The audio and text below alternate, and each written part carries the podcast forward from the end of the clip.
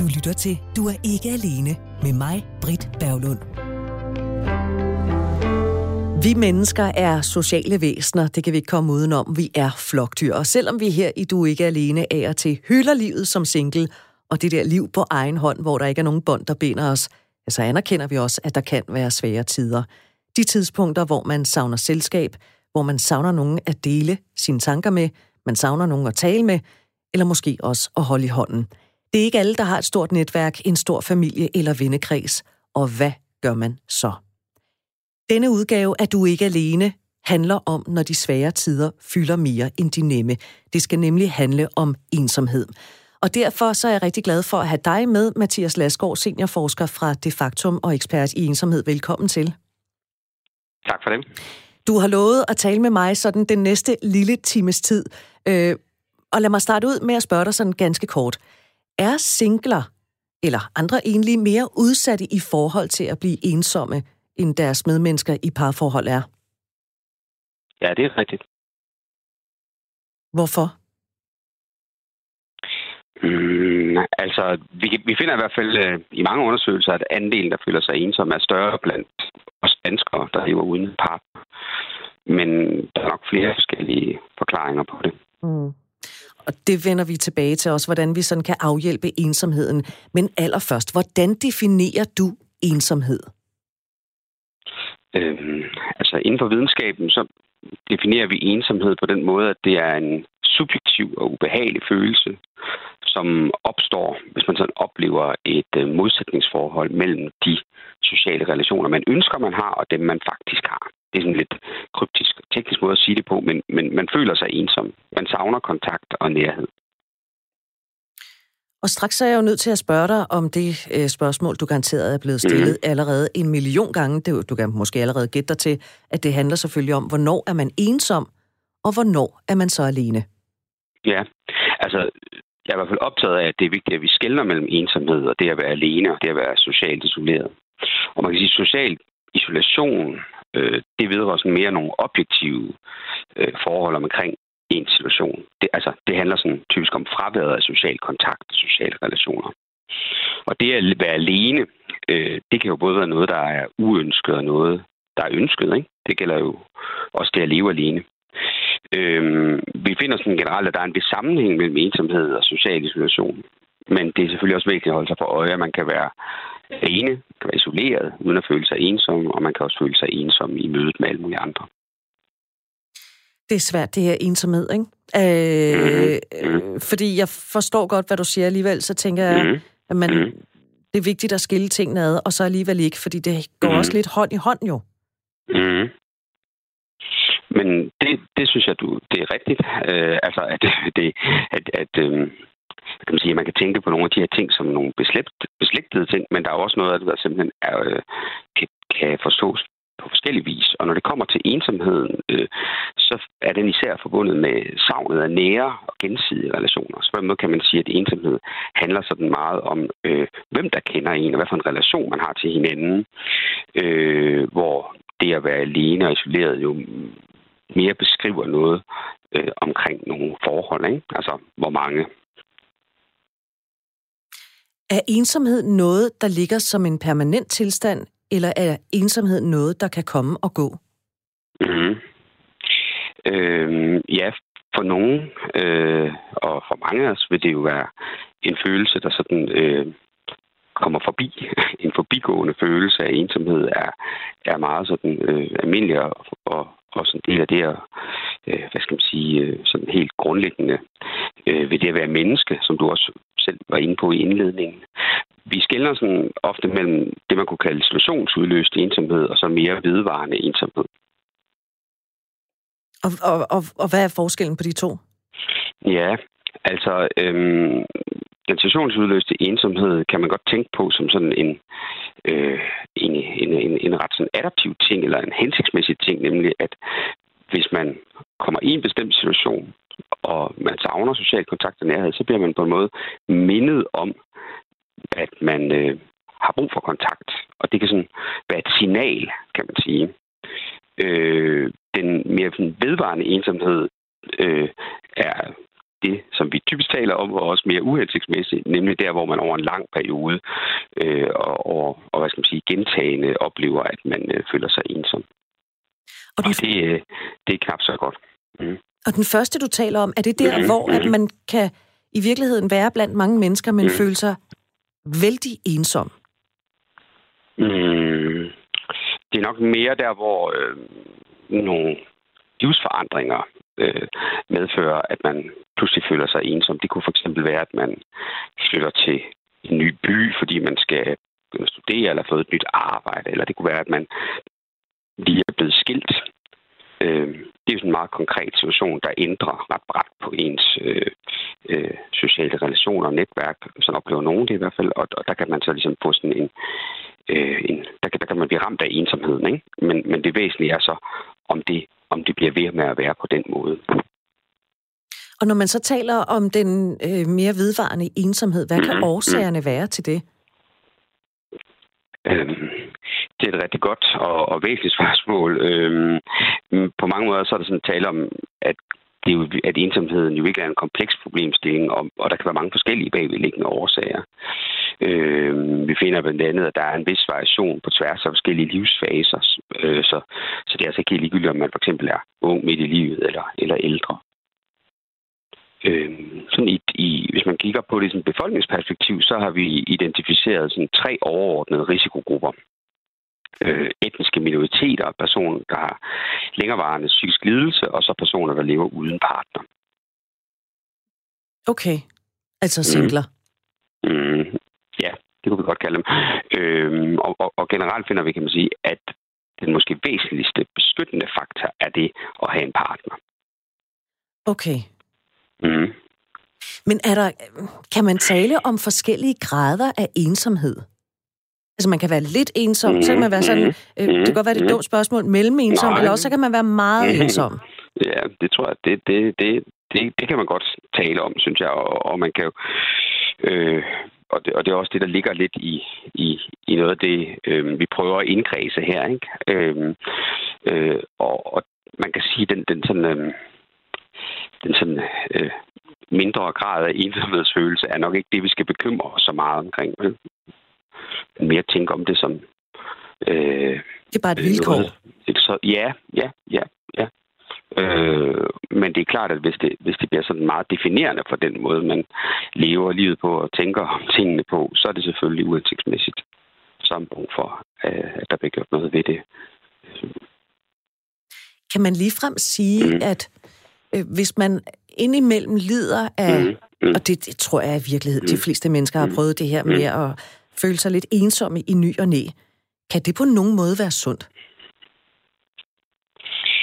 Mm, ja, altså... altså det der, forstår du, hvad jeg mener? Man er nødt til mm. at... Og man, man kan ikke bare leve sit liv langs, øh, altså på sådan helt, mm. helt lineært, fordi så opdager man jo ikke nuancerne.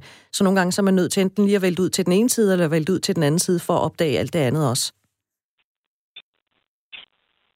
Mm, altså, jeg tror, at... Øh, hvad skal man sige, at man skal nok passe på med sådan at, at, at romantisere følelsen af ensomhed, fordi den jo føles ubehageligt ikke? Øh, og uønsket. Men, men jeg tror på, at der sådan kan være et, et, et vist drive i, at man bliver mindet om, at man har brug for social kontakt og nærhed. Og det kan være sådan set være udmærket. Det kan være sundt. Ja. Hvilke mm. følelser er der så beslægtet, når man mærker den der ensomhed? Beslægtede følelser. Altså, man kan sige, øh, vi ved i hvert fald, at, at den her ensomhedsfølelse ofte kan gå hånd i hånd øh, med andre mistrivselsproblemer. Altså, det ofte samme eksisterer med andre former for mistrivsel, også egentlige psykiske lidelser. Så, øh, så, det, så det er klart, at øh, hvis man for eksempel øh, øh, føler sig deprimeret, så er man også mere tilbøjelig til at føle sig ensom og, og vice versa. Og nu er vi så inde på, øh, du har allerede mm. sådan lige krasset mm. lidt i det, det der med, hvordan man, mm. Hvad det er, man skal holde øje med, fordi hvordan finder mm. man ud af, hvordan kan man identificere, om man er ensom, eller man er alene? Mm. Altså, øh, man kan sige, helt grundlæggende, øh, så tror jeg også, at, at de fleste mennesker, de godt ved det med sig selv. Øh, øh, at man, øh, at det er jo på en eller anden måde noget ret privat, ikke? Og, og noget sådan ret individuelt, vi taler om. Øh, øh, men, men det at være, være øh, alene, øh, det, det tænker jeg, det er sådan ret nemt for os at se for os, hvad det er, vi taler om, og hvad det er, vi, hvordan vi definerer det, selvom der selvfølgelig også er grænser, grænser der, ikke? Øh, og det at føle sig ensom, jamen, der tror jeg først og fremmest, man også må prøve at, at stille sig selv et spørgsmål, er det her et, et, et væsentligt problem øh, øh, og, og noget, som jeg ligesom skal gøre noget ved, eller det, som vi var inde på før, også bare øh, et vilkår og noget, jeg, jeg, jeg accepterer at leve med. Hvis nu man finder ud af, mm. at det er lidt mere voldsomt end blot et vilkår og noget, man skal lære at leve med, fordi det popper op i ny og næ, mm. sådan er det mm. også at være mm. menneske. Mm. Hvilke konsekvenser kan ensomhed have, hvis først det rammer? Mm. Jamen altså, øhm, det er klart, at, at først og fremmest så er der jo øh, øh, forskellige sammenhænge med, med øh, depression, som jeg nævnte før, og ængstelighed. Ikke? Så, så øh, den, den, den længerevarende ensomhed, den, den er ofte forbundet med en dårlig livskvalitet og, og, og forskellige mentale øh, helbredsproblemer ikke? Øh, på sigt. Så, så, så det, det er sådan den ene side af det. Øh, den anden side af det er, kan man sige, at ensomhed over de seneste år er blevet associeret med forskellige former for fysiske helbredsproblemer, og noget, der er bedst dokumenteret også sammenhæng med hjertekarlidelser. Så man kan sige, at der er ingen, man kan sige, vi har en rimelig god dokumentation for, at, at, øh, at ensomhed øh, er forbundet med forskellige helbredsproblemer og kan have nogle negative konsekvenser på den måde. Jeg har læst øh, flere gange sådan i løbet af de senere mm. år, mm. at, øh, at ensomhed det er en stor dræber. Man kan dø af ensomhed. Øh, Mathias Lasgaard, kan man dø af ensomhed? Mm. Mm, altså, det er, jo, det er jo rigtig nok i forstand, at ensomhed er associeret med det, vi inden for forskning vil kalde tidlig død. Ikke? Så hvis man tager ensomme og følger dem over tid, så kan man se, at der er en større andel, der dør tidligere. Øh, og det kan der jo så øh, det være nogle forskellige øh, øh, forklaringer på. En af dem er øh, en sammenhæng med hjertesygdom, øh, som jeg nævnte før.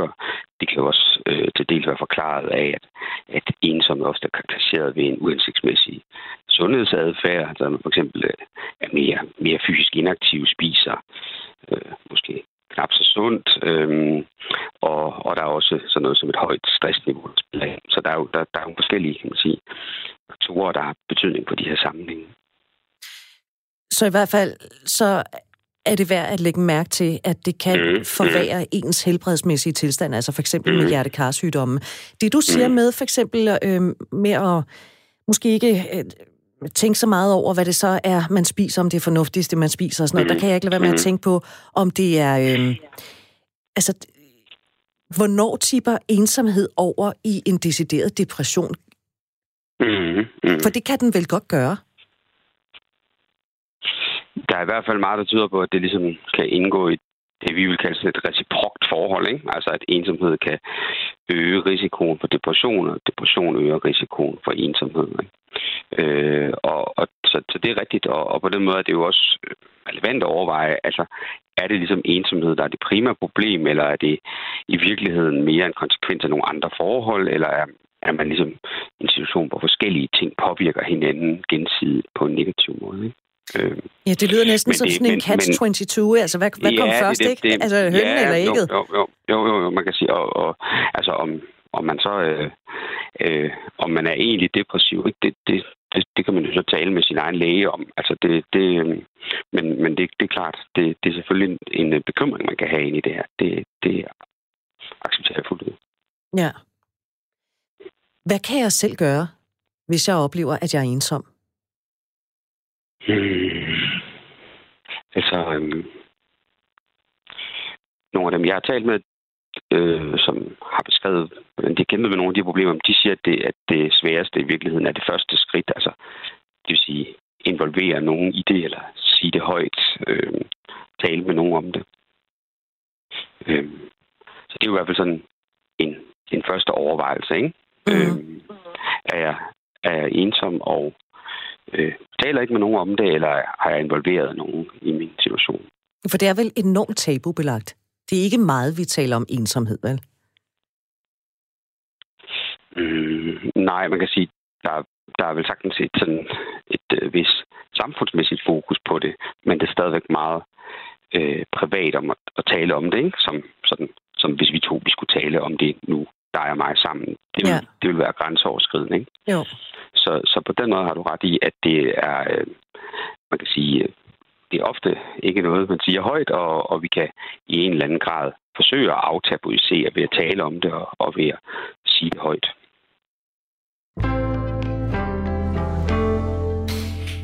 Du lytter til øh, Du er ikke alene. Det er Mathias Lasgaard, der er seniorforsker fra De Factum og ekspert i ensomhed, som du har hørt fortælle om ensomhed her det sidste kvarters tid. Og nu talte vi om det her med, øh, hvad man kan gøre, hvis man føler sig ensom. Og det første, det er jo altså så at prøve at, at gribe ud efter nogen. Og alle kan føle sig ensomme, både drenge og piger, mænd og kvinder. Øh, men der er flere undersøgelser, der viser, at der er stor forskel på forekomsten af ensomhed, når man ser på vores alder, og altså dermed, hvor i livet vi er. Og den aldersgruppe, hvor flest føler sig ensomme, det er de 16-29-årige. Her er det mellem 10 og 12 procent, der føler sig ensomme. Og det skal vi tale om nu, for øh, Ventilen, det er en organisation, der arbejder for at forebygge og afhjælpe ensomhed blandt unge. Og det gør de blandt andet med mødesteder rundt om i landet. Og øh, det er på Ventilens hjemmeside, at det fremgår, at mellem 10 og 12 procent af de unge føler sig ensomme. Så øh, vi har selvfølgelig ringet til Ventilen. Rilo Sneobrud er sekretariatsleder der. Velkommen til, Rilo. Tak skal du have.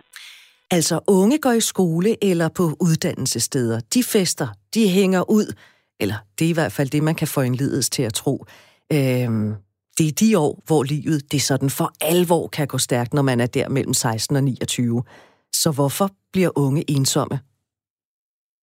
Det, det er et stort spørgsmål. Øh, men, men jeg tror, at to af svarene ligger i det, du selv lige har sagt. Øh, det at, at føle sig ensom har ikke noget at gøre med, om man er sammen med andre. Man kan sagtens føle sig øh, enormt ensom og udenfor, selvom man er fysisk sammen med andre. Øh, så mange af de unge, der går i skole eller under uddannelse og også hænger ud med nogle andre, gør det samtidig med, at de føler sig sådan, øh, følelsesmæssigt isoleret fra dem, de er sammen med. Øh, men det gør det bare rigtig meget sværere at se, end hvis de sad alene derhjemme. Og den anden del af det er, at de unge jo også selv forventer, at de ungdomsår er der, hvor der er fart på, og der, hvor man skal have gode relationer. Så når det indimellem mislykkes, så føles det som et kæmpe stort nederlag. Øhm, og, og det er noget, der ligesom bliver puttet i rygsækken og gør ensomheden større. Så føler man, at man mislykkes, og så har, øh, så har man mindre incitament til at gå ud, og, eller mindre mod på at gå ud og opsøge nye relationer. Så for eksempel, hvis man dropper ud af en uddannelse, eller man ikke kommer til de mange fester, der bliver holdt, eller hvad det end kan være, det er der, hvor ensomheden så kan komme? Altså, ensomheden kan også komme, selvom du går på din uddannelse. Ensomheden kan sagtens komme mandag morgen. Mm øh, hvor du sidder i din klasse, og den kommer også for unge, der, har, der klarer sig helt fint fagligt, og den kommer også for unge, der har det glimrende med deres forældre derhjemme. Øh, ensomheden handler om, at du ikke føler dig som en del af et fællesskab, at du ikke føler, at du hører til hos nogen, eller ikke føler, at du hører til der, hvor du er. Øh, så hvis man sidder i en klasse, hvor man ikke føler, at man har nogen nævneværdige relationer til alle de andre i klassen, så kan man jo føle sig enormt ensom øh, selvom man er der, og selvom man ikke er på nettet til at droppe ud. Så hvis man ser en stor gruppe unge, der for eksempel er i byen, så kunne der sagtens være nogen i den gruppe, der kan lide af ensomhed? Det kan der sagtens være, ja. Og der kan også sagtens, jeg vil sige, en bytur er jo typisk en selvvalgt aktivitet, og der er måske nok nogle af de unge, der sidder hen i klassen og føler sig ensomt, og så fravælger at tage med på byturen, øh, fordi man ikke opsøger de situationer, hvor man føler sig så ensom. Øhm, men, men der kan også sagtens være unge, som går med i byen og egentlig virker til at have en fin omgangskreds, men som ikke føler, at de kan relatere til den omgangskreds, eller ikke føler sig trygge nok til, at de tør være sig selv i den omgangskreds, og derfor føler sig ensomme, selvom de er fysisk sammen med andre. Det handler ikke om, om alenehed. Og Mathias Lasgaard, nu griber jeg lige fat i, i dig igen, fordi det her med, at man jo sagtens kan føle sig ensom, selvom man går på en ungdomsuddannelse, og man går også i byen og sådan noget. Øh, hvilken slags ensomhed er det? Altså, den, den er jo sådan lidt, øh, sådan som jeg ser den, er den lidt uhåndgribelig. Kan du prøve at uddybe, hvad du tænker på? Ja, det er måske fordi, at jeg har en tendens til at tænke ensomhed som meget sort-hvidt. Ikke? Enten er du ensom, eller så er du ikke ensom. Og her, der taler vi jo om unge, som øh, har mm, på papiret, mm. sådan på mm. overfladen, et velfungerende liv, mm. og de går i skole og alt muligt. Og alligevel, så bliver de altså ramt af ensomhed. Men det er på mange måder, som, som Rillø også er inde på, karakteristisk for en del ensomme unge. Ikke? At de er ensomme i en social verden. At, at, at det ligesom er et paradoks, at de øh, midt i et ungdomsliv, vi ofte forbinder med sociale relationer og identitetsdannelse i mødet med de andre, der oplever de, at de øh, er en slags observatør eller uden for øh, fællesskabet. Øh, så, der må vi ligesom tilbage til det med definitionerne, og så skælne skarpt mellem det at være alene og det at føle sig ensom. For det er netop jo et, et, et, vilkår for en del af de her unge, de føler sig ensom på trods af forskellige kontakter.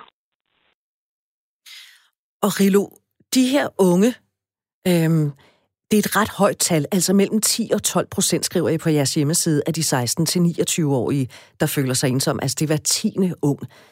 Hvorfor er det specielt der, at man finder så mange ensomme?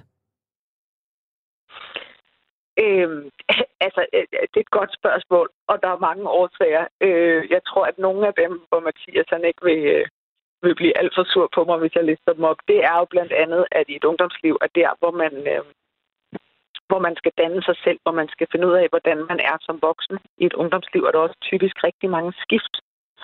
Øh, man, man går fra uddannelsesinstitution til uddannelsesinstitution. Man flytter hjemmefra. Man flytter typisk til en ny by. Man flytter ofte. Man skifter studiejobs.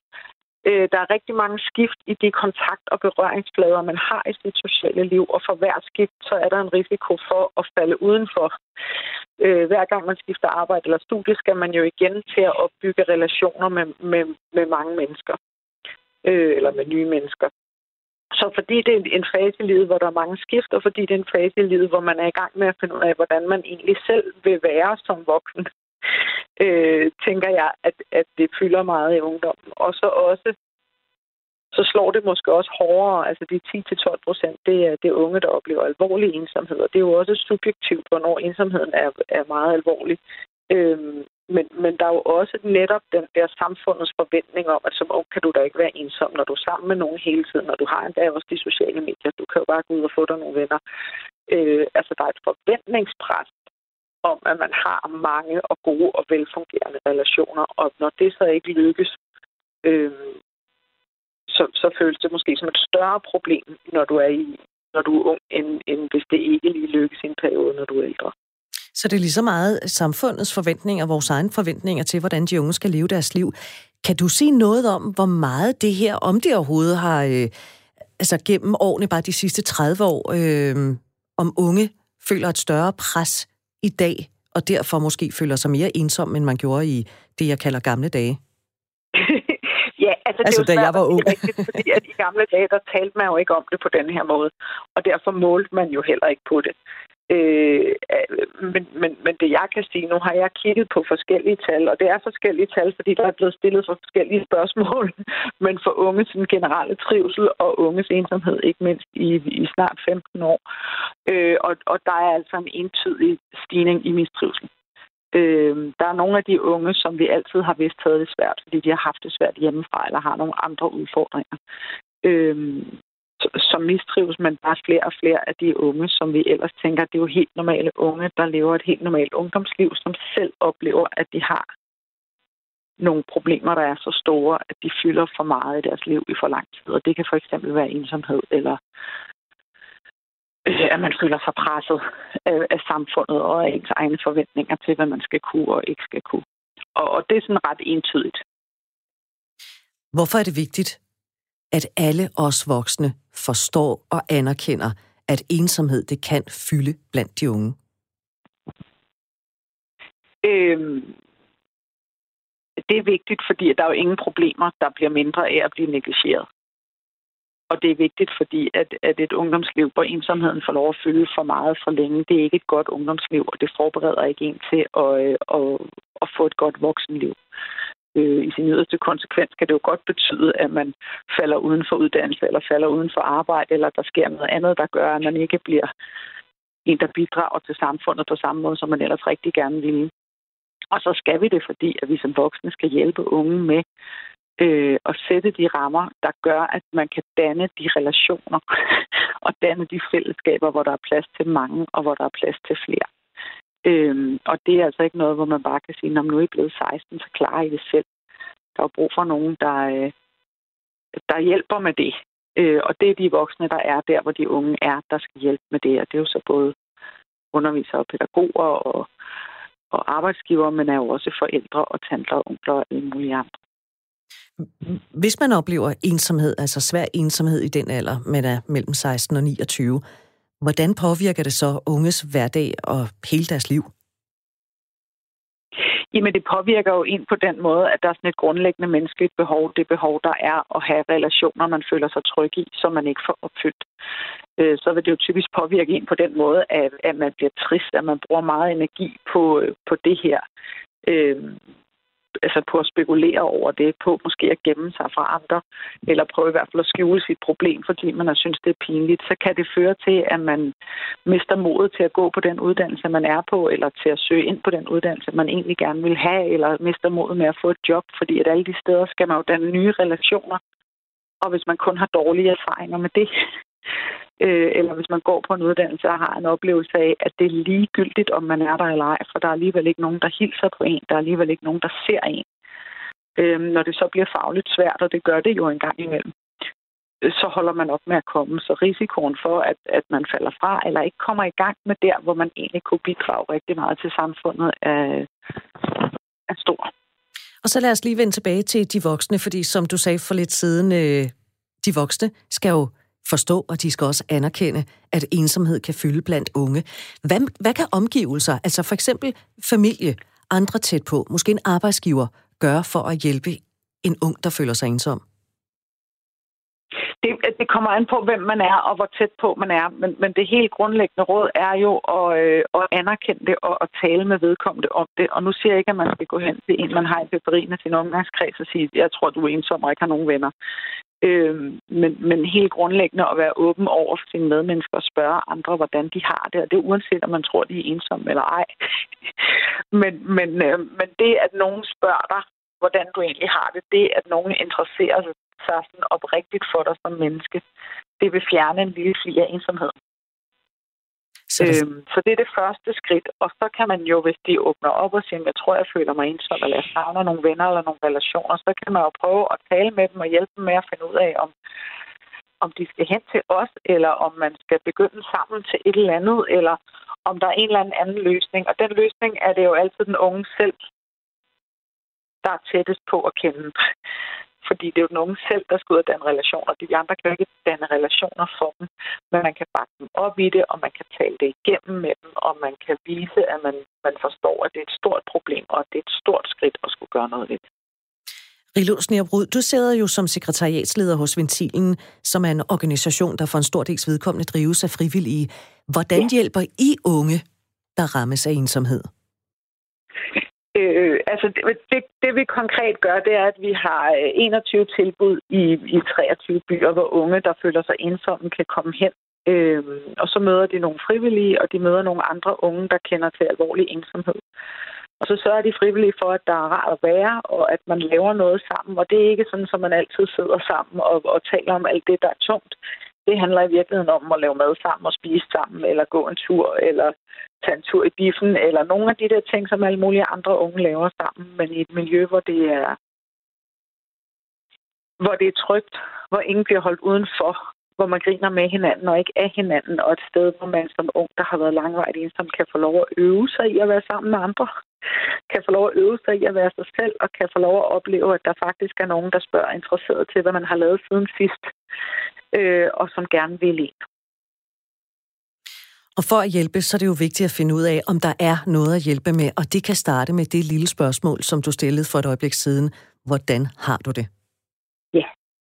Skal vi være bedre til at stille hinanden de spørgsmål, hvad enten vi er unge eller øh, sådan midt i livet, som jeg er, eller gamle? Det synes jeg da. Altså fordi, at, at øh, det, det kan jo aldrig skade noget, og, og måske vi er blevet jeg ved ikke, om vi er blevet det, men måske vi i hvert fald er lidt for dårlige til at, øh, at vise, at vi faktisk interesserer os for hinanden som mennesker og som medmennesker. Uanset alder. Det var en god pointe. Rilo Sneerbrud, sekretariatsleder hos Ventilen. Tak for det. Tak fordi du vil være med her. Selv tak. Mathias Lasgaard, øh, du er jo ekspert ud i ensomhed, seniorforsker fra De Factum. Nu talte vi lige om unges ensomhed. Er det sted det vigtigste at sætte ind, når vi taler om ensomhed? Altså jeg ved godt, alle, alle ensomme skal jo hjælpes, men er unge det vigtigste sted at sætte ind, fordi de er så sårbare? Mm.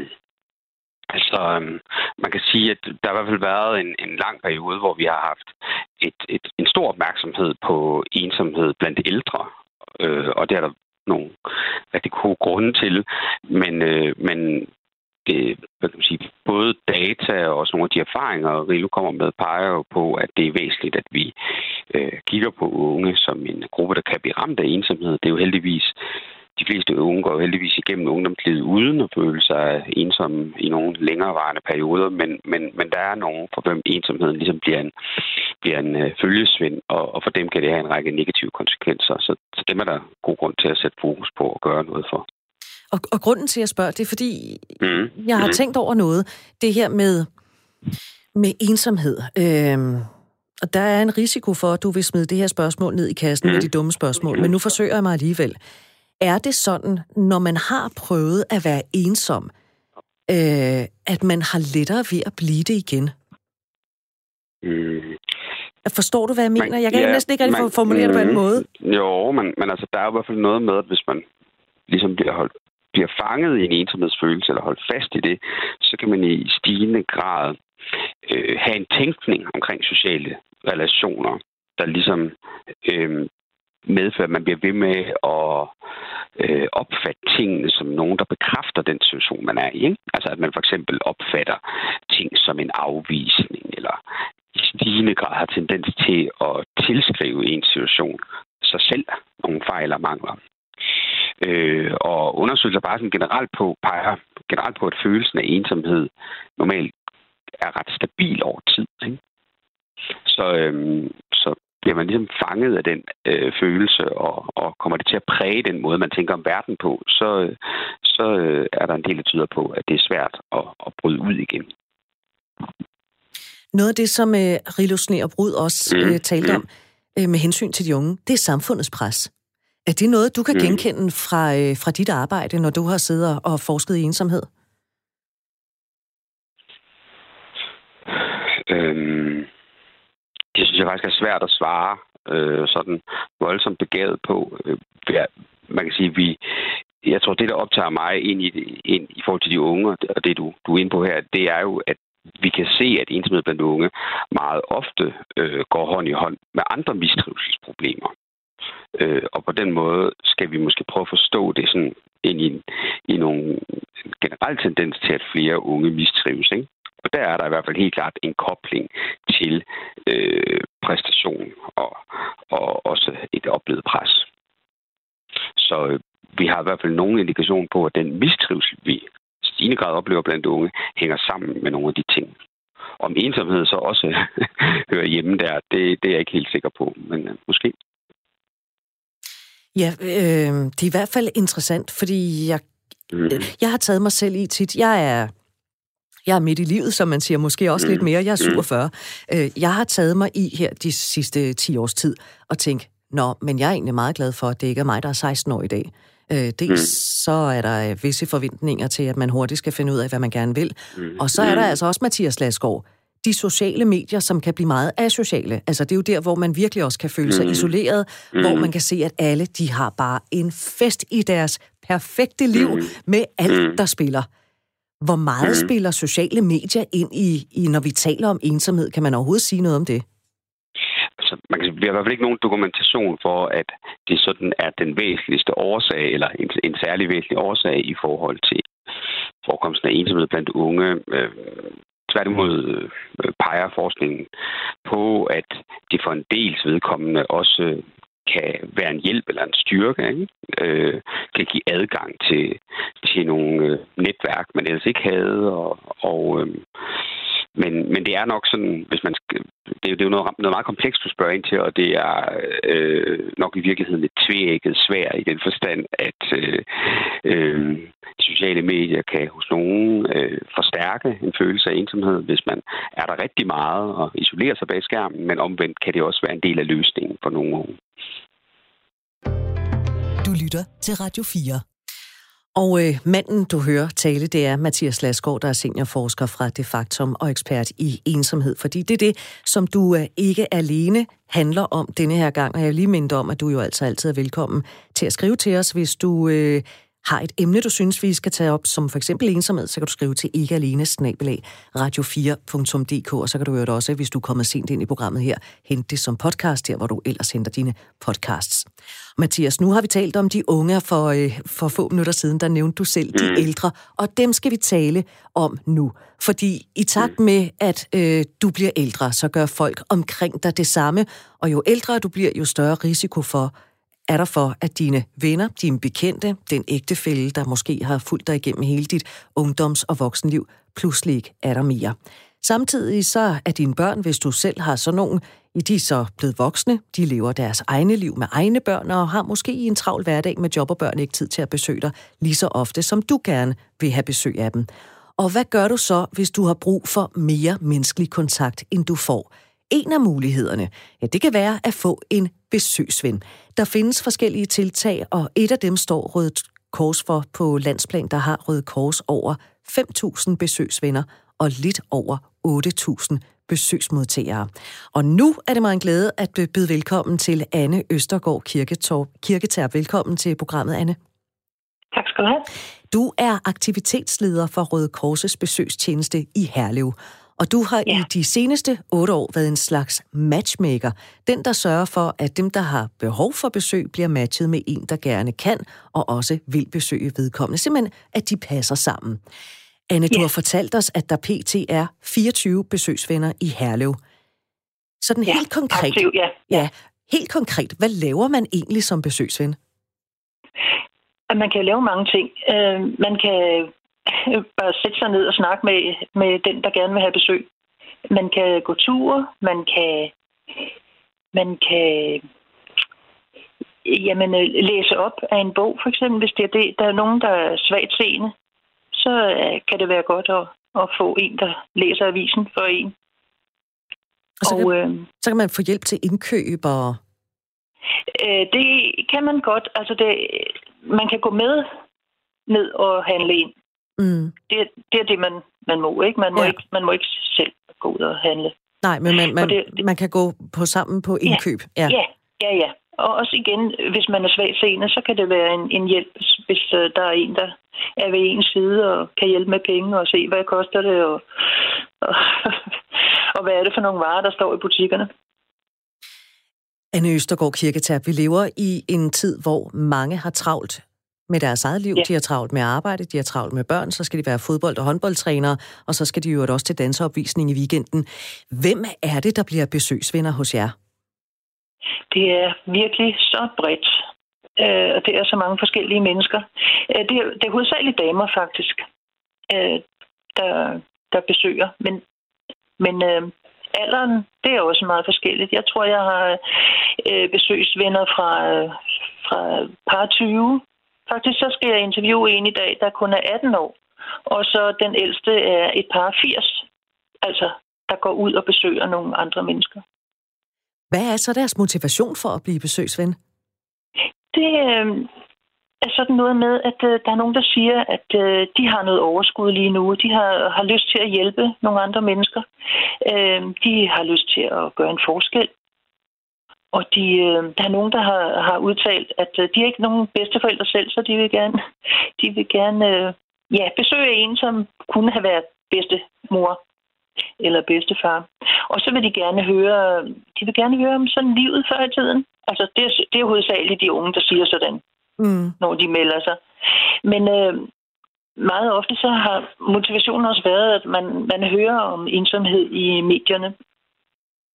Og så, så ja, så vender man det med sig selv og, og, og, og, og siger, jamen det kunne jeg da godt tænke mig, jeg vil da gerne. Og igen det der med, man har lidt overskud. Øh, og så er det jo bare sådan, at, at man melder sig til at besøge en person minimum en time en gang om ugen. Det må gerne blive noget mere, men altså det er det, der er et krav, hvis man altså kan tillade sig at sætte krav til en frivillig. Ja, det er det, man forpligter sig til, hvis man siger, at man ja, gerne vil være besøgsven. Ja, nemlig. Ja. ja.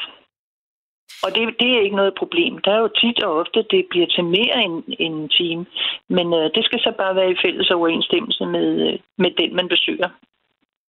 Og nu hiver jeg lige Mathias Lasgaard ind i samtalen her, fordi Mathias, gør det nogen forskel, om det er nogen, vi kender i forvejen eller ej, der besøger os, når vi er ensomme, eller er den menneskelige kontakt i virkeligheden nok i sig selv? Mm. Det tror jeg egentlig i virkeligheden, at Anne måske skal svare på. Men, men altså, øh, helt, helt grundlæggende, øh, hvis man føler sig isoleret og, og øh, på grund af forskellige funktionstab lever et, øh, øh, et liv, hvor man savner kontakt, så, så er det selvfølgelig væsentligt øh, at få øh, en relation til f.eks. en besøgsven. Og jeg, jeg tror også, vi skal være meget sådan... Det, det er meget svært at, at, at sige meget præcist, hvad det egentlig er for nogle relationer, vi taler om. Ikke? Fordi en besøgsven kan jo også vise sig at blive en meget vigtig relation, der var i lang tid, og som får en stor betydning for ens liv. Ikke? Ja. Så lad mig lige smide den over til dig, Anne. Mm, mm, mm. Ja. Gør det nogen forskel, om det er en, øh, en, man kender i forvejen, eller et helt nyt menneske, der besøger en, hvis man sidder og føler sig ensom? Øh, jeg tror, at, at øh, mange mennesker de har behov for bare en at tale med. Altså som du nævnte før, eller der blev nævnt før i, i uh, udsendelsen her, var, at, at uh, der, der er mange, der har mistet sin familie og uh, ægtefælde osv. Øh, og, og, og man har måske en, en hjemmehjælp, som kommer en gang om ugen. Det gør de faktisk meget sjældent, det er hver 14. dag. Men bortset fra det, så, så kan det være, det kan være fint bare, at der kommer en. Og den ene, den, øh, det er nødvendigvis ikke en, man kender i forvejen. Det er det jo ikke, når man henvender sig til mig, så er det ikke en, man kender. Så er det jo en helt fremmed person. Og så øh, er det sådan, at øh, når jeg har hørt begge, begge parter, altså som du også sagde, jeg, jeg er den, der matcher. Jeg hører, hvilke behov der er. Hvad, hvad vil man gerne? Vil man kun gå tur, eller vil man kun sidde og snakke i, i et hjem? Jamen, øh, så finder jeg det, der passer bedst. Også ud fra nogle interesser, som hver især har, har øh, fortalt mig om. Øh, men jeg, jeg møder så op første gang med den nye person til den. Er det noget råd, jeg siger? Altså, Nej, det giver fin den, mening. Nå, okay. Øh, så det er ikke en fuldstændig fremmed, der kommer. Jo, det er det, men jeg er mellemledet. Altså, ja. de kender jo mig begge parter, ikke? Så det, det, det tænker jeg er lidt trygt, at, at det er mig, der kommer med. Men, men det er en ukendt person, og det er jo i virkeligheden temmelig akavet, at man kommer der med en, en fremmed person, der sætter sig ind i ens hjem. Men, øh, men øh, det, det er sådan, så ringer jeg dem op bagefter hver især og, og hører dem, hvordan synes de, det var gået det hele, og, og om det er noget, der kan fortsætte. For, for ja, det er akavet, at, at øh, det foregår på den måde. Jamen, man skal jo starte et sted. Altså, øh, det skal man. Sådan ja. er det jo. Øh, der er næsten ja. ikke rigtig andre måder øh, at, at gøre det på, kan jeg forestille mig. Det her med at, at sidde og matche folk, det er alligevel et vist ansvar, der følger med, forestiller jeg mig. Ja. Ja, ja, men det, det er det også. Det kan også godt være lidt svært indimellem, men, men øh, jeg tager også nogle gange nogle chancer, fordi øh, øh, altså hvis, hvis der sidder en person, som ikke som har givet udtryk for nogle, nogle ting, som de gerne vil de gerne vil have en person, der kan sådan og sådan. Og så har jeg så en... Øh, nogle gange kan, jeg ikke, kan man jo ikke vælge at vrage. Øh, men men øh, så, så prøver jeg alligevel at sige, nej, men kunne det ikke gå med hvis nu I gør sådan, og kan det så ikke, kunne det så ikke passe? Og så, så kan det nogle gange godt fungere. Men nogle gange er der jo nogen, der stiller krav, om jeg så må sige, til, at det skal være en person, der har den og den alder, det skal være det og det køn. Øhm, og så er det jo ikke sikkert, at det kan. Der er for eksempel, jeg har en, en uh, yngre mand faktisk, der, der gerne vil have en, en uh, mand på samme alder som ham selv, og han vil gerne have en og gå til koncerter med. Det er Men, meget øh, specifikt. Det er meget specifikt, og jeg har heller ikke kunnet hjælpe ham endnu. Så, så han, han, må, han må vente. Men han har i realiteten, han har ikke nogen Han har ikke nogen venner, han har heller ikke rigtig noget familie. Og han har heller ikke noget arbejde. Så han er lidt, lidt øh, på den. Men han vil, ikke, han vil ikke kompensere for sine ønsker. Nej. Men når så du fører en, øh, en besøgsven sammen med en øh, besøgsmodtager, så ringer ja. du så efterfølgende til dem. Hvad nu, ja. hvis øh, besøgsvennen siger, det, det, det er jeg simpelthen ikke sikker på, jeg kan? Altså, ja. så har vi jo en ny situation med ja. et menneske, der sidder ja. og måske føler, ja. at det får et gok i nøden.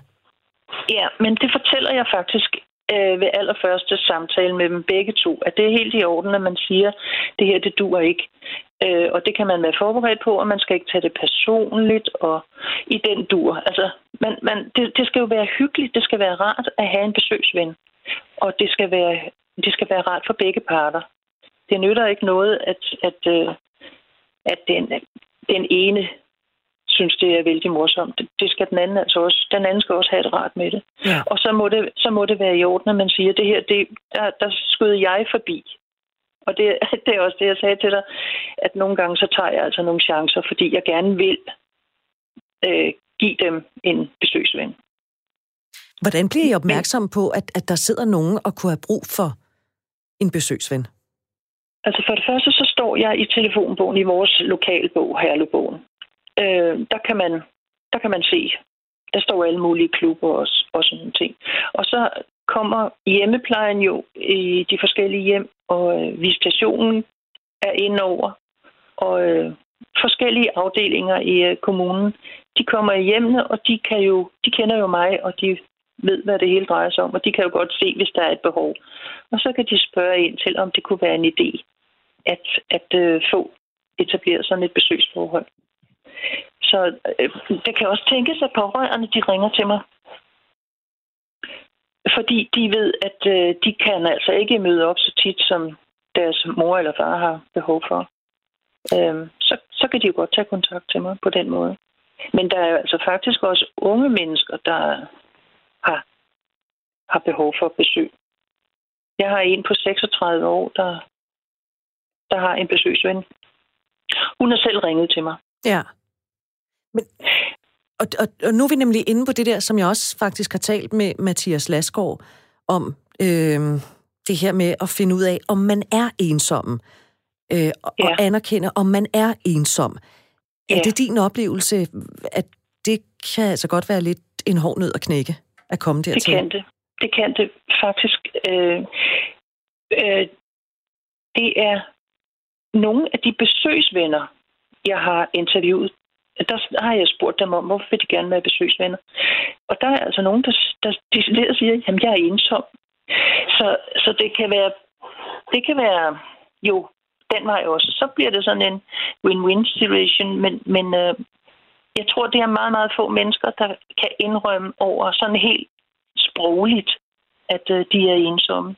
Jeg kunne tænke mig, at, øh, at få etableret sådan en, en, en bænk i hver en by, hvor, hvor men hvad skal man, øh, en, en dialogbænk. Og på den bænk, der kan man sætte sig, hvis man har behov for at tale med et andet menneske. Det er kun for at tale med et andet menneske, for måske også at lære et andet menneske at kende. Men det er kun der, man sætter sig, hvis man gerne vil i kontakt. Kunne det ikke være smart? Jeg synes i hvert fald, det vil være en rigtig god idé. Det kan nemlig være så uendeligt svært at, at etablere en, en relation og en kontakt til et andet menneske. Mm. Mathias Lasgaard, hvad siger du til det forslag? Altså en dialogbænk i, øh, i hver en by? Jamen, øh, gerne. Altså, jeg, jeg synes, en positiv ting sige, ved hele coronasituationen er jo, at vi er blevet mindet om vigtigheden af sociale relationer, og også at vi oplever, at der er rigtig mange, der gerne vil hjælpe og rækker ud til dem, der er ensomme og isolerede. Anna, er det noget, du har kunnet mærke, mens vi har været lukket ned på grund af corona? At øh, det har også gjort noget for besøgstjenesten i Herlev? Ja, fordi vi har jo været totalt lukket. Altså, der, plejehjemmene har været lukket øh, for besøgende, og hjemmene har været lukket for besøgende. Og da det så blev åbnet igen, så var det jo noget med på bestemte betingelser, altså med afstand og, og, og, og så videre. Men trods alt kunne man godt besøge den, man nu plejede at besøge Mm. Men øh, der, det har været meget, meget stille. Der, jeg har heller ikke fået de helt store øh, øh, henvendelser. Det er, det er ganske få, jeg har fået under, okay. under perioden. Ja. Men efterfølgende, når folk ligesom har fået lov til at sidde hjemme et, øh, et par måneder, måske ja. fordi de ikke har kunnet arbejde og mærke efter, hvad er det egentlig, der betyder noget i mit liv? Det er også at have nogle menneskelige relationer. Er der på baggrund af det nogen, der har taget kontakt til dig og sagt, jeg kunne faktisk godt tænke mig at komme ud og besøge en, som ikke har så stor en omgangskreds? Nej, det har jeg ikke. Jeg har fået en eneste henvendelse, og det var en person, som gerne selv ville have besøg. Okay. Og det var faktisk også en yngre. Men vi skal i hvert fald være bedre til at tale om det. Det tror jeg, vi kan blive enige om. Ja, fordi det, jeg, tror, jeg tror, det er tabubelagt, at man, man, vil ikke, øh, man vil ikke rigtig indrømme det der. Jeg, har, jeg har faktisk været ude for på et tidspunkt, at en, øh, en ældre dame ville gerne have besøg. Hun boede på plejehjem. Og det er jo ikke, fordi man har så vanvittigt meget øh, kontakt med nogle andre på plejehjemmet. Men øh, hun ville gerne have besøg, og hun henvendte sig selv til mig. Og da jeg mødte op, så sagde hun til mig, at, at øh, jeg måtte desværre undskylde, men, men hendes datter ville ikke have, at hun øh, fik en besøgsven. Og det tænkte jeg, øh, jeg havde jo ikke andet at gøre end at gå igen, men, men øh, jeg tænker det er fordi, at datteren i hvert fald ikke lige, lige ville have det prædikat på hendes mor, at hun var ensom, fordi det faldt jo nok også lidt tilbage på datteren selv. Øh, så, så jeg tror, den er hele vejen rundt. Det er ikke, det er ikke noget, man... Det er ikke øh, fint at være, og det er ikke godt, og det er alt muligt andet at være ensom. Så det er bedst at lade være at tale om det. Men der er rigtig mange mennesker, der er ensomme. Og den historie, den var i hvert fald øh, stof til eftertanke. Anne Østergaard Kirketab, aktivitetsleder hos Røde Kors Besøgstjeneste i Herlev. Tak fordi du vil være med her i Du er ikke alene. Selv tak. Mathias Lasgaard, vi har ikke øh, så forfærdeligt mange minutter tilbage, øh, men dialogbænken, den kunne du måske godt være lidt lun på. Øh, kunne det være med til at nedbryde det her tabu, som det er? Så jeg tror, der, der er både brug for, at, øh, at vi sætter det på dagsordenen, som, som du gør nu, øh, øh, sådan at vi generelt taler om det øh, og får en bedre forståelse for, hvad det er, vi taler om, og hvad der er brug for. Men så er der jo også brug for de der mere målrettede, øh, håndholdte indsatser, som, som Anne beskriver, hvor man sådan en til en prøver at gøre noget, alt efter hvilke behov man nu har. Mathias Lasgaard, vi bliver flere og flere, der bor alene. Lige nu der er der jo øh, over en tredjedel af de danske husstande, hvor der er registreret mm. én person. Man kan jo så ikke øh, sige, at det er lige med, at de også er singler, og, og de ikke har nogen øh, social omgang med andre mennesker. Mm. Men det er jo et faktum, at der er mange, der har travlt med arbejdslivet, der måske for mange vedkommende også flyder lidt sammen med fritiden. Fordi så kan man jo lige komme hjem fra arbejde, så kan man også tjekke mails, inden man skal til fodboldtræning. Ikke? Man kan også lige skrive på det ene eller på det andet, eller forberede sig på det der enormt vigtige møde i morgen. Jeg ved godt, Mathias Lasgaard, at du kan ikke se ind i fremtiden. Men nu beder jeg dig om at gøre det alligevel. Hvordan tror du, med den viden, du har om ensomhed, hvordan tror du, det kommer til at gå med ensomheden de kommende år? Vil flere mærke den, eller vil færre mærke den? Mm, man kan i hvert fald sige, at, at det, at, øh, at øh, flere føler sig øh, undskyld, at flere lever alene, ikke? som du nævner, og, og det, at der også øh, lever flere med forskellige former for minoritetsstatus. Øh, altså, der, der, er ligesom nogle, der er nogle faktorer, der kunne pege i retningen af, at flere kommer til at føle sig ensomme.